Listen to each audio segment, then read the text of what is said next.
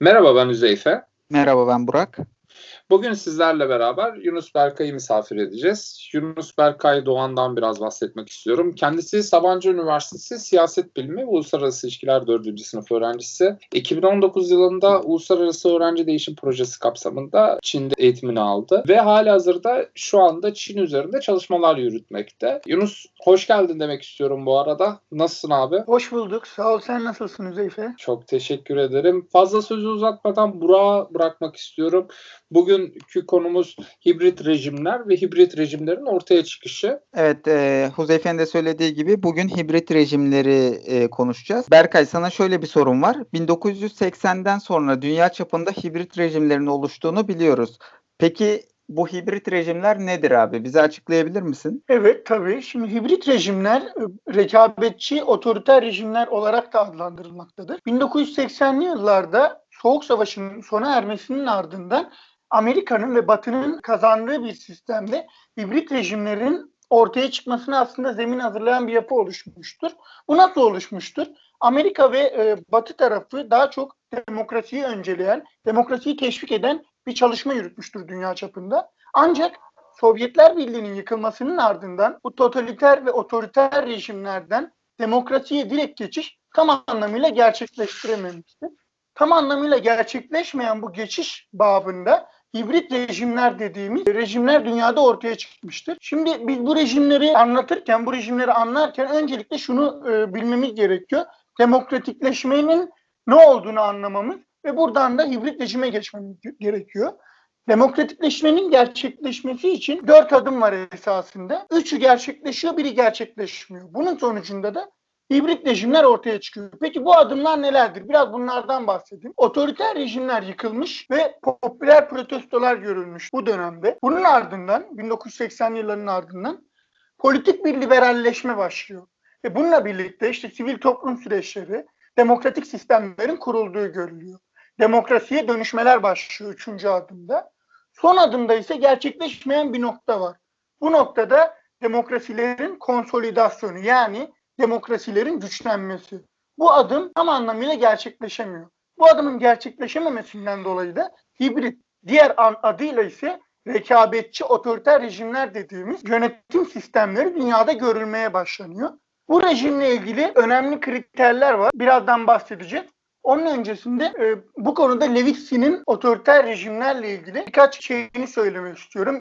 Levitsin'in demokratik rejimlerle ilgili minimum kriterlerini anlatmak istiyorum. Modern demokratik rejimlerin hepsi dört asgari kriteri karşılar. Bir, yöneticiler ve yasama organları açık, özgür ve adil seçimlerle seçilir. İki, tüm yetişkinlerin oy kullanma hakkı vardır. Üç, basın özgürlüğü, örgütlenme özgürlüğü ve hükümeti misilleme olmaksızın eleştirme özgürlüğü dahil olmak üzere siyasi haklar ve sivil özgürlükler geniş ölçüde korunmaktadır. 4. Seçilmiş makamlar askeri veya büro liderlerinin vesayetle kontrolüne tabi olmamaları için gerçek bir yönetime sahip. Bu anlattığım kriterler demokrasinin ve e, hibrit rejimlerin arasındaki ilişkiyi açıklayan ve biraz da bize hibrit rejimlerin geldiği noktayı veren e, özellikler diyebilirim. Çok teşekkür ederiz. Peki bu bahsettiğimiz hibrit rejimlerin özellikleri nelerdir? Yani biz hibrit rejimleri tanımlarken e, hibrit rejimlerin özellikleriyle alakalı neye değinmeliyiz? Bundan da biraz bize bahseder misin? Şimdi hibrit rejimlerden bahsederken şunu iyi bilmek gerekiyor. Hibrit rejimler tam olarak demokrasi değildir. Ancak otoriter rejimlerden de farklıdır. Tam anlamıyla işlemediği otoriter rejimde diyemeyeceğimiz gri bir bölgede olan, gri alanda olan, kimine göre otoriter, kimine göre demokratik, tam olarak e, karşılığına bir isim verilemeyeceği eşitsiz oyun alanı denir. Yani İngilizce'de uneven playing field denir hibrit rejimler için. E şunu iyi bilmemiz gerekiyor tabii. Demokrasi dediğimiz rejim sistemi hayatın her alanına işleyen, günlük hayatta devamlı olarak görülen bir sistemdir. Tek bir güne indirgememek gerekiyor. Hibrit rejim sistemlerde biz demokrasinin her alana işlemediğini sadece sandıktan alınan meşruiyet ile birlikte asıl amacından, asıl gayesinden saptığına şahit oluyoruz. Peki bu hibrit rejimlerin özelliklerini sayacak olursak ne var burada? İlk olarak otoriter rejimlerde muhalefet partilerinin seçime girilmesinin engellendiğini görürüz. Hibrit rejimlere baktığımız zaman her zaman açık kapı bırakılır. Yani muhalefet, muhalefet kesimine ufak da olsa oyun alanı tanınır.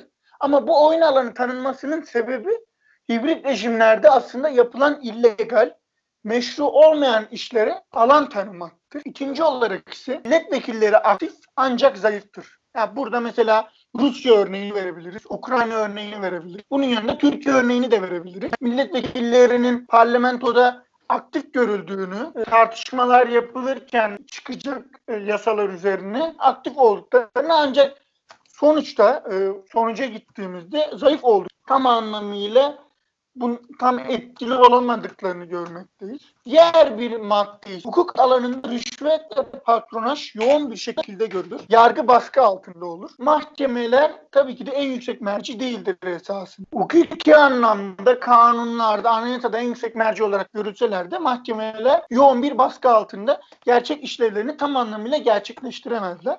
Diğer bir ayak ise medya ayağıdır. Bu işin en önemli ayaklarından bir tanesidir medya ayağı sistematik olarak medya bir baskı altındadır. Ancak şu çok önemli. Medya tamamıyla engellenmiş. İktidar medyayı önemli bir ölçüde kontrol ederken yine muhalefete bir pay verir. Belli alanda muhalefetin medyada etkin olmasını, muhalefetin medyada sesini duyurmasını olanak sağlar. Ancak bu iktidarın tehdidi altında gerçekleşir. Yani gerçekte esas anlamda muhalefet tam anlamıyla bağımsız olamaz e, medya alanında.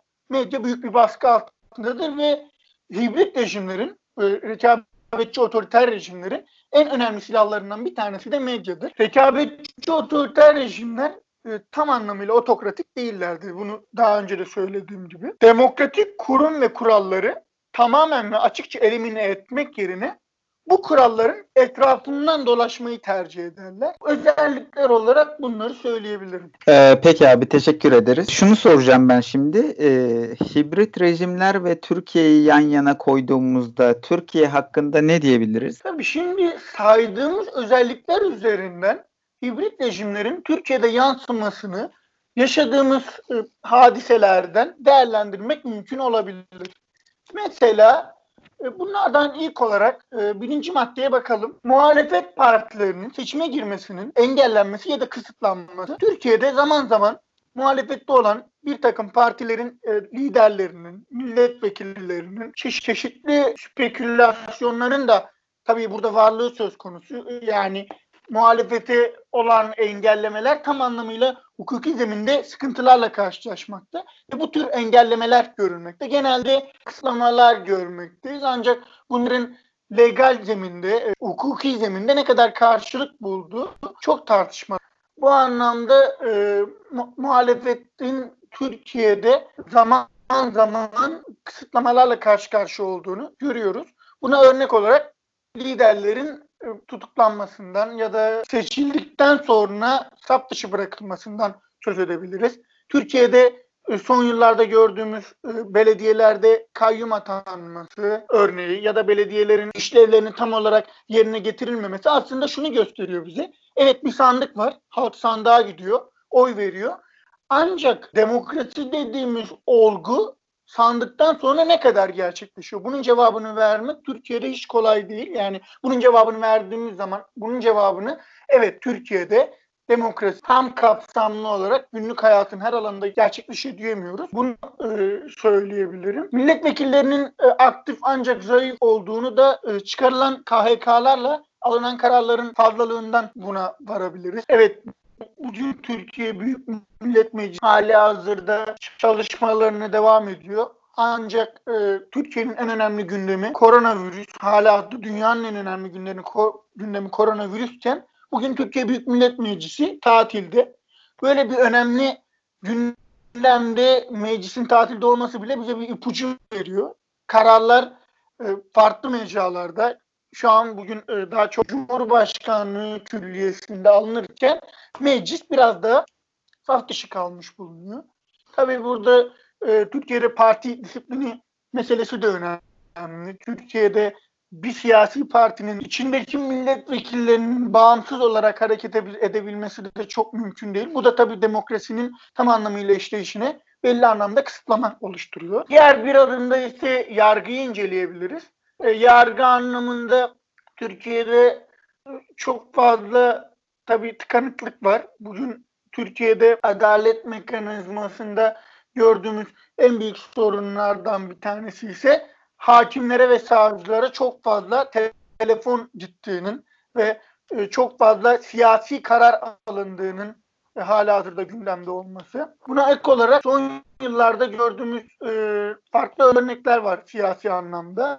Mesela işte belediye seçimlerinin ardından Sayın Cumhurbaşkanı'nın e, Sayın İmamoğlu'nu işte topal ördek kavramıyla itham etmesi, işte meclis, belediye meclisleri tarafından ayağının kilitleneceğinin Burada bunun üst daldan direkt olarak duyurulması. E, bu bir örnek olarak verilebilir. Onun dışında e, medya örneğini verebiliriz. Tabii bu işin en önemli ayağı mesela seçim zamanlarında her zaman tartışılır. Medya en çok kime yer veriyor diye. Burada baktığımız zaman medyanın daha çok iktidar kanadına e, Sayın Erdoğan'ın seçimlerine yönelik çekimler yaptığına şahit olmaktayız. Tabii buna ek olarak seçim zamanında iktidar partisinin daha çok uçakları, devletin araçlarını seçim süreci boyunca aktif bir şekilde kullandığını görüyoruz. Yani muhalefetle bir rekabet içerisindeyken aslında bunun çok eşit zaman eşit bir zeminde olmadığını görüyoruz. Bu durumda bir anlamda otoriter ve demokrasi arasında konumlandırdığımız hibrit rejim tanımına uymaktadır. Buna ek olarak söyleyebileceğim şu var. Bu rejimlerde hukuk, adalet, demokrasi gibi kavramlar çok önemlidir. Çok sık kullanılır dilden düşürülmez. Ancak bunlar esasında bir gölgedir. Sandıklar bir gölgedir. Bu gölgenin arkasında ifade ettiğim medya, hukuk, siyasi seçimler ve milletvekillerinin etkinliği göz önünde bulundurulabilir. Bunlar bunlara gölge olduğunu söyleyebiliriz.